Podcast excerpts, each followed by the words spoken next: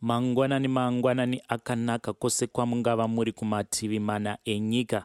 Tinokugamuchirai zvekare kune chimwe chirongwa pano pazim facebook secrets and confessions.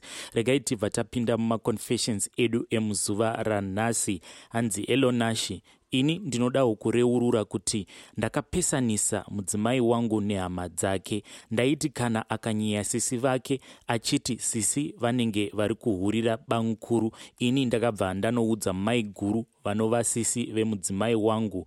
Kunyange paakati tete vake vanoroya ndakabva ndaudza mwana wavatete kuti mudzimai wangu ati tete ndivo vari kumuroya kuti asakwanisa kugarika zvakanaka mumba make. Ndinozama kumbonyarara kana ndichitaura nehama dzake. Asi ndinozongokaruka ndava kutorotomoka zvimwe zvinhu ndinenge ndichitonyepa. Saizvezvi ndakatonyepa kuti mudzimai wangu akati baba vake havasi baba vake akatokumbira mari yekuenda kwatinashe mugabe kunoitwa madna mukoma iam afraid kuzoexposwa nemakuhwa andiri kuita awa. Ndiyo yanga iri confesheni yahaidhi hanzi nahaidhi ini ndine kaunhu kekuti kana ndikangogara nehama dzemudzimai wangu ndinobva ndatanga kunyeya mudzimai wangu.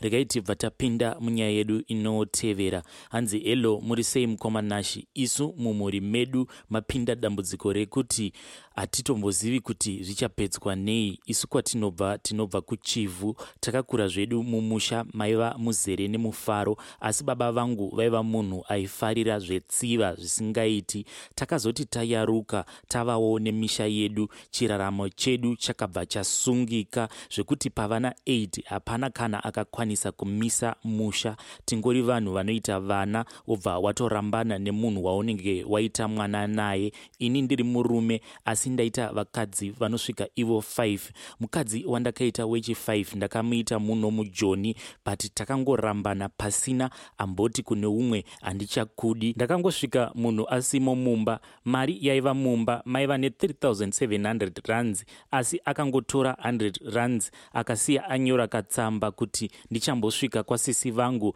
ndiye kwakaenda tsuro ndiko kwakaenda imbwa. Saka takazofamba tiri 6 nekuti pau8 hwedu 2 vakangofa vose nechirwere chekensa yepagumbo ende kurwara kwavakaita itori imwe nyaya hombe mukomanashi. Saka mukufamba takatonzi mose muchapera nekuti baba venyu vakaenda vakanopiwa mangoromera. Saka hanzi vakashayisha mhiko yavo mafuta acho akabva apanduka. Saka chikwambo chababa ichi hanzi chakaita sekunge chikukwa. Muprofita uyu akabva ati madzikoma enyu akafa maviri awa. Chikukwa ichi chakapinda munyama yavo chikasiya unye ndosaka ndati kurwara kwakaita vana mukoma vedu its a long story. Mukoma vaiti kana mukavasiya vega vaiita zvekugwabvura gumbo ravo kusvikira mava kuona bhonzo remukati apa vanenge vachichema kuti ndiri kuvaviwa mukati kati menyama yangu. Takagara pamba pemuprofita uyu ainge atipa tsanangudzo kwe1 week asi hatina kuziva kuti muprofita uyu ainge ava kutobata hanzvadzi yedu last born chibharo nekuti hanzvadzi iyi munhu ainge akataika njere. Saka muprofita uyu aimugezesa nemunamato kuma3 am achiti igo back to sender. Izvo aitomubata chibharo isu takazozviona muprofita uyu kuti ainge abata hanzvadzi yedu chibharo patakaenda naye kumusha kwedu paakazama kudzura chinhu chaaiti inyanga yaiva muruoko rwababa akabva atanga kurohwa nezvishiri akabva atanga kutopenga ipapo achitaura zvose zvaainge aita kuhanzvadzi yangu. Hama dzemuprofita uyu dzakazotiripisa mombe 6 apa mudanga mainge mangosara nhatu. Iniwo ndakazongoramwa ndokubva ndauya kuno joni since then handina kana kuzombodzokera kumusha asi dzimwe nguva zvikada gumbo rangu rinombozvimba serichatushuka asi kana roserera unotoona kuti gumbo iri rinenge richitoserera wakatarisa ndiyowo nyaya yangu mukoma nashi muri iyi veduwe vedare yatambura zvisingaiti. Vaindiudza kuti tafamba nzvimbo dzakasiyana-siyana muno musouth africa asi tanzwa nekudyirwa mari. Hanzi vanhu vazhinji vanenge vachida kutibatsira vanobva vati mari first i really hope kuti tichakwanisa kuwana munhu akavimbika anokwanisa kubatsira vanhu nekuti vanhu vane matambudziko vakawandisa zvisingaiti. Regai tibva taenda panyaya yedu inotevera. Hanzi hello muri sei mukoma nashi please post for me as haidi. Ini ndiri mukadzi ane makore 28 ndiri married hangu ndine vana vangu vaviri but dambudziko rangu nderekuti ndabatwa nemweya wekuda murume mukuwasha wangu. Murume wavatete hanzvadzi yemurume wangu. Every time pandinovaona ndinonzwa ropa rangu kuti rinotanga kumhanya mhanya kunyatsonzwa kuti this is the right man for me. Ndinoti kana ndikamuona ndinotanga kumuektira iye anozviona but ane kakuignore last week akauya kumba kwedu achitsvaka murume wangu and my husband was not around. Ainge abuda apa ainge asiya foni mumba. Ndokubva vauya vachizomutsvaka pamba. Ndakati ndichivhura dhoo ndichiona kuti ndiye i was very happy. Ndikabva ndavati pindai. Ivo vakapinda ndokubva vanogara havo pasofa. I had to sit pasofa riri opposite nerake. Apa ndakabva ndapinda mubedroom ndokunobvisa chipfeko chemukati ndokuuya ndokubva ndavagarira zvangu beya. Ndinotoshaya kuti ushingi uhwu ndinohuwanepi but madiro andinomuita mukuwasha uyu. Kana ndikamuona handikwanisi kuzvikontrola. After ndamugarira beya akatondichonya ndokubva asimuka ndokuoneka ndokudzokera. Saka apa handizivi kuti kuchonya kwake airevei. Please help me macousin kuti ndinohwina sei mukuwasha because he pakaipa. Murume watete haana basa hatina ukama zvedu. Shuviro yangu kutombomunzwawo kuti anodii because i have really fallen for him. Please chitupa changu pisai mumoto mukoma nashi ndiyo yanga iri nyaya yemurora uyu. E, hanzi ndiri kuchiva murume wavatete anova mukuwasha wake. Yowe nyaya dzevaroora idzi dzinotinetsei nekuti ukada kuzopawo muono wako mucomment section unozongokaruka wava kutoundurwa regai tibva taenda panyaya yedu inotevera. Hanzi elo admin please post for me as haidi ini ndiri murume ane makore 29 ekuberekwa. Ini ndakauraya mukadzi wangu. Mushure mekuti aita zvechipfambi ini ndiri kubasa. Saka zvakaitika ndezvekuti ndakaudziwa nemunext door kuti pane vanhu vanouya pamba pako iwe usipo vachivata vachizomuka vachienda. Ini ndinoshanda basa rechikorokoza ndichigara mudondo. Nguva zhinji mukadzi uyu ndaimuitira zvese zvaanoda asi aindiitira zvechipfambi. Ndakasvika pakurwadziwa kusvika pamwoyo ndakabva ndaisa mushonga muchikafu chose chaiva mumba. Ndikabva ndabuda ndikaenda hangu kubasa.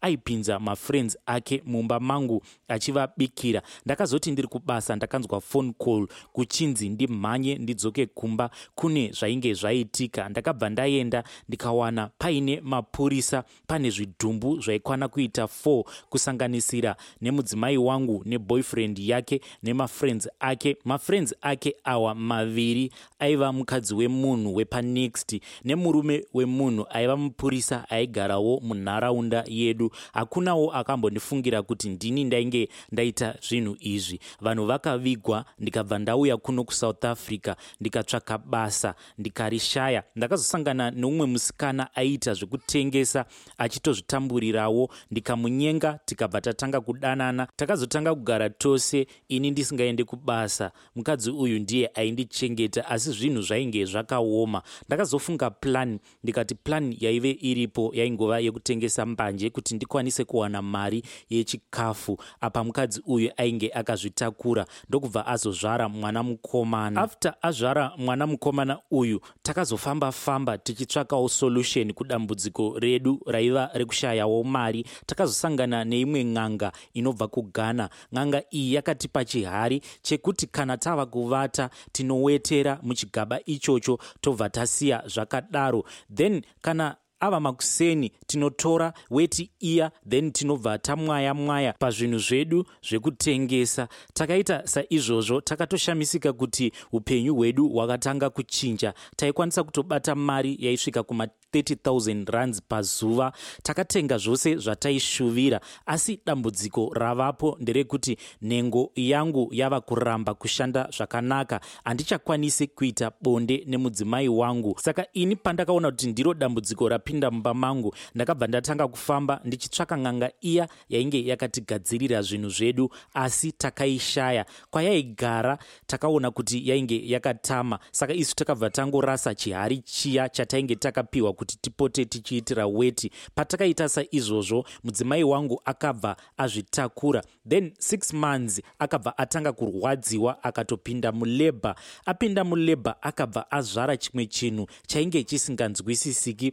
chimunhu ichi. Chainge chine musoro wakaita kunge wenguruve apa chaiva chiri chidiki diki muchipatara vakabva vati chinhu ichi vanochipisa. Its now two times mukadzi wangu achibatira pamuviri achizvara zvinhu zvisinganzwisisiki. Ndanga ndichikumbirawo rubatsiro kana paine munhu anogona kutibatsirawo tafamba tanzwa hama dzashe. Ndiyo yanga iri nyaya yahaidhi let us move over to our next confession. Uh, this confession we received it from someone who is not shona speaking so they sent uh, this confession in english they said hello nashi please post for me as haidi I am a man aged 30 and I am not married. I have tried so many times to get married to women, but for some reasons, they all ran away from me. In 2018, I met a young lady and we dated for months. I decided to introduce her to my mother since I was thinking of marrying her. My girlfriend was so eager to visit my mother as she seemed very happy. On Christmas Day, we visited my mom, who seemed to have welcomed her with warm hands. She then asked me to excuse them because she wanted to speak to my girlfriend in privacy. After their private talk, my girlfriend seemed to be moody and she said she had to leave. Then we left. I never bothered to ask since I respected their privacy. A few months later, she started to pull away from me and we broke up early 2020. It took me a lot of time to get over her, but I finally did. Later that year, I introduced another girl to my mother, and she said she doesn't want that girl. She started giving that girl all sorts of name and she said she will never approve my marriage if i ever marry this girl. Nashi something is bothering me. I don't understand if it is me who has a bad choice or my mother. I don't know why my mother doesn't approve any of the women that i have dated clearly she sabotages every relationship that i try to have sometimes i even think of not telling her that i am in a relationship so many times at night I sit and I can't fall asleep. I'll be thinking, am I cursed or white? Because it seems as if no matter how much I try, I just can't get married. My mother clearly said that she will never approve any of the girls that I bring to her. She say if I try to marry those women without a blessing, my marriages will fail. I look at myself and I see that I'm getting old. I don't have a child, but all of my friends they are happily married. Please advise me. What am I supposed to do? So when I was speaking with Haidi, he said because of his religious belief, he has to get his mother's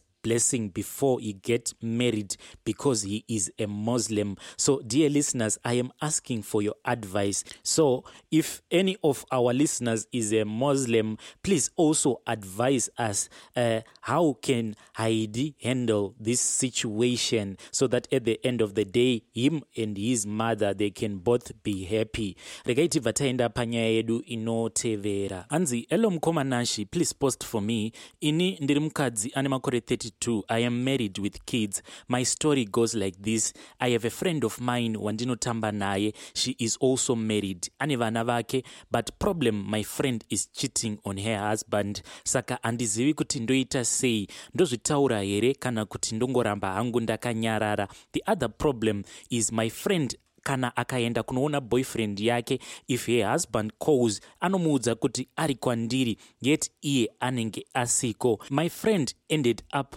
aakuuya kuzonditora kuti ndimuperekedze achiitira kuti murume wake kana akafona anobva ati tiri tese. Pandakazomuperekedza kechi3 chikomba chake chakabva chauyawo nefrendi yacho. Zvakandifosa kuti avo vaviri pavainge vava kuita zvinhu zvavo ini ndainge ndiine frendi yechikomba cheshamwari yangu which is not making me comfortable at all. The last time pakauya varume ava my friend neboyfriend yake vakabva vatotanga kuita bonde ravo mumota apa tainge tirimo. Zvinova zvinhu zvisina kundifadza. Sometimes i just think of saying it out but problem nyaya dzakadai dzinourayisa. Saka ndiri kutya zvekare kuti kana ndikataura vanhu vanokwanisa kuurayana ndikava muipi mangwana. Please help me kuti ndoitawo sei nenyaya iyi marelatives. Ndiyo yanga iri nyaya yahaidhi kwauri haidhi ndinongoti regedza kudziya moto wembavha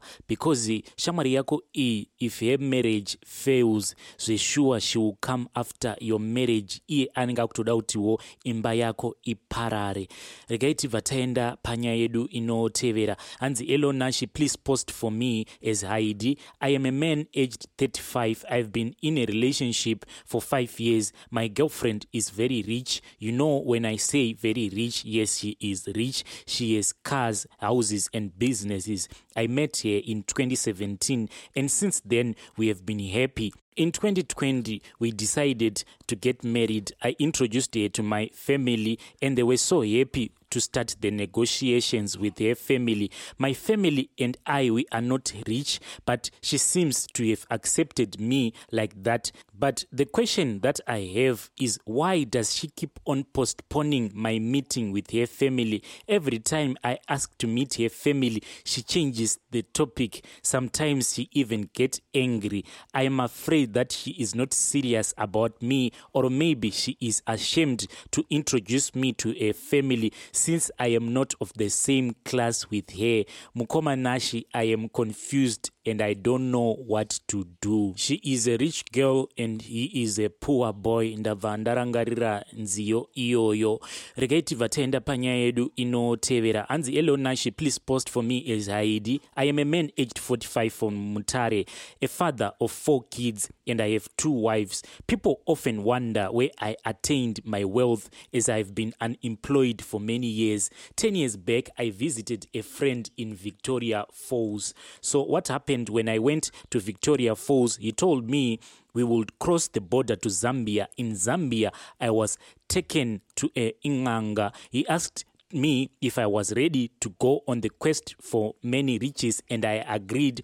I was put in a coffin for seven days. Then they took me to a cave where I found an old woman who I was supposed to sleep with four times a day for seven days and so did I. After seven days, I went back to the Inganga's homestead, where then I was coronated into the brotherhood. That very night, they asked me if there was anyone pregnant or had a newborn baby, and I told them that my sister had just conceived. At night, I thought I was dreaming, but surely I had been at my sister's house where I strangled the baby to death the next morning, my sister called to inform me that my niece was dead. The same day after her funeral, we went to her grave and we ate her body. This was said to be my blood price I have to pay in order to attain my wealth.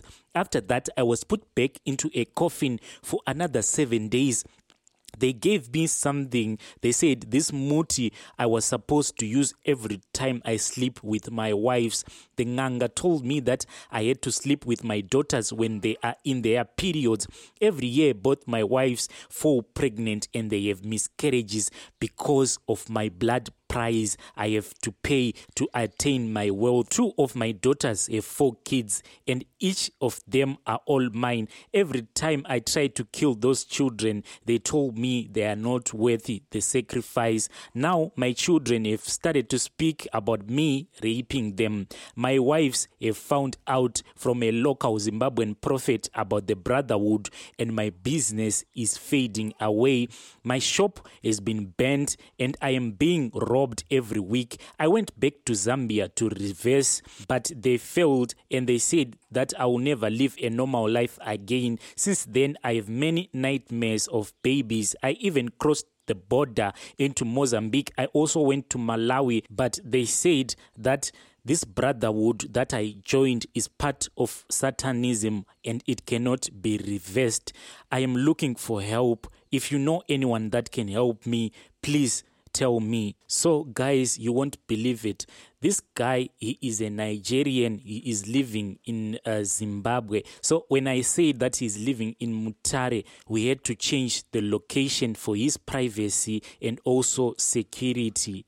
Guys, I know that we are a very small community, but we are reaching a lot of people. So, this guy, he sacrificed the happiness of his own family just to attain wealth.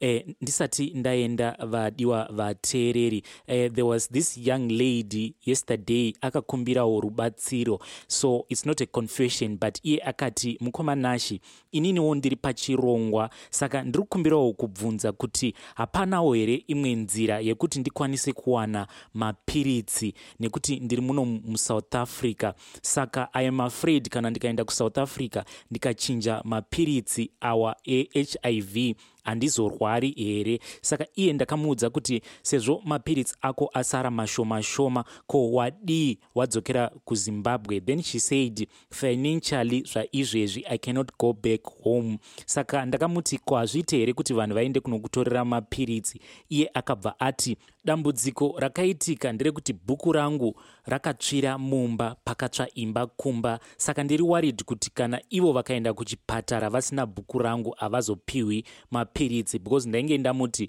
vanokutorera mapiritsi then vobva vabatisa mapiritsi iwawo negonyeti kana kuti nebhazi. Saka kana kuine manesi or madoctors vanoteerera chirongwa chedu ndinokumbirawo kuti mutipewo maideas kuti mwanasikana uyu ozvifambisa sei.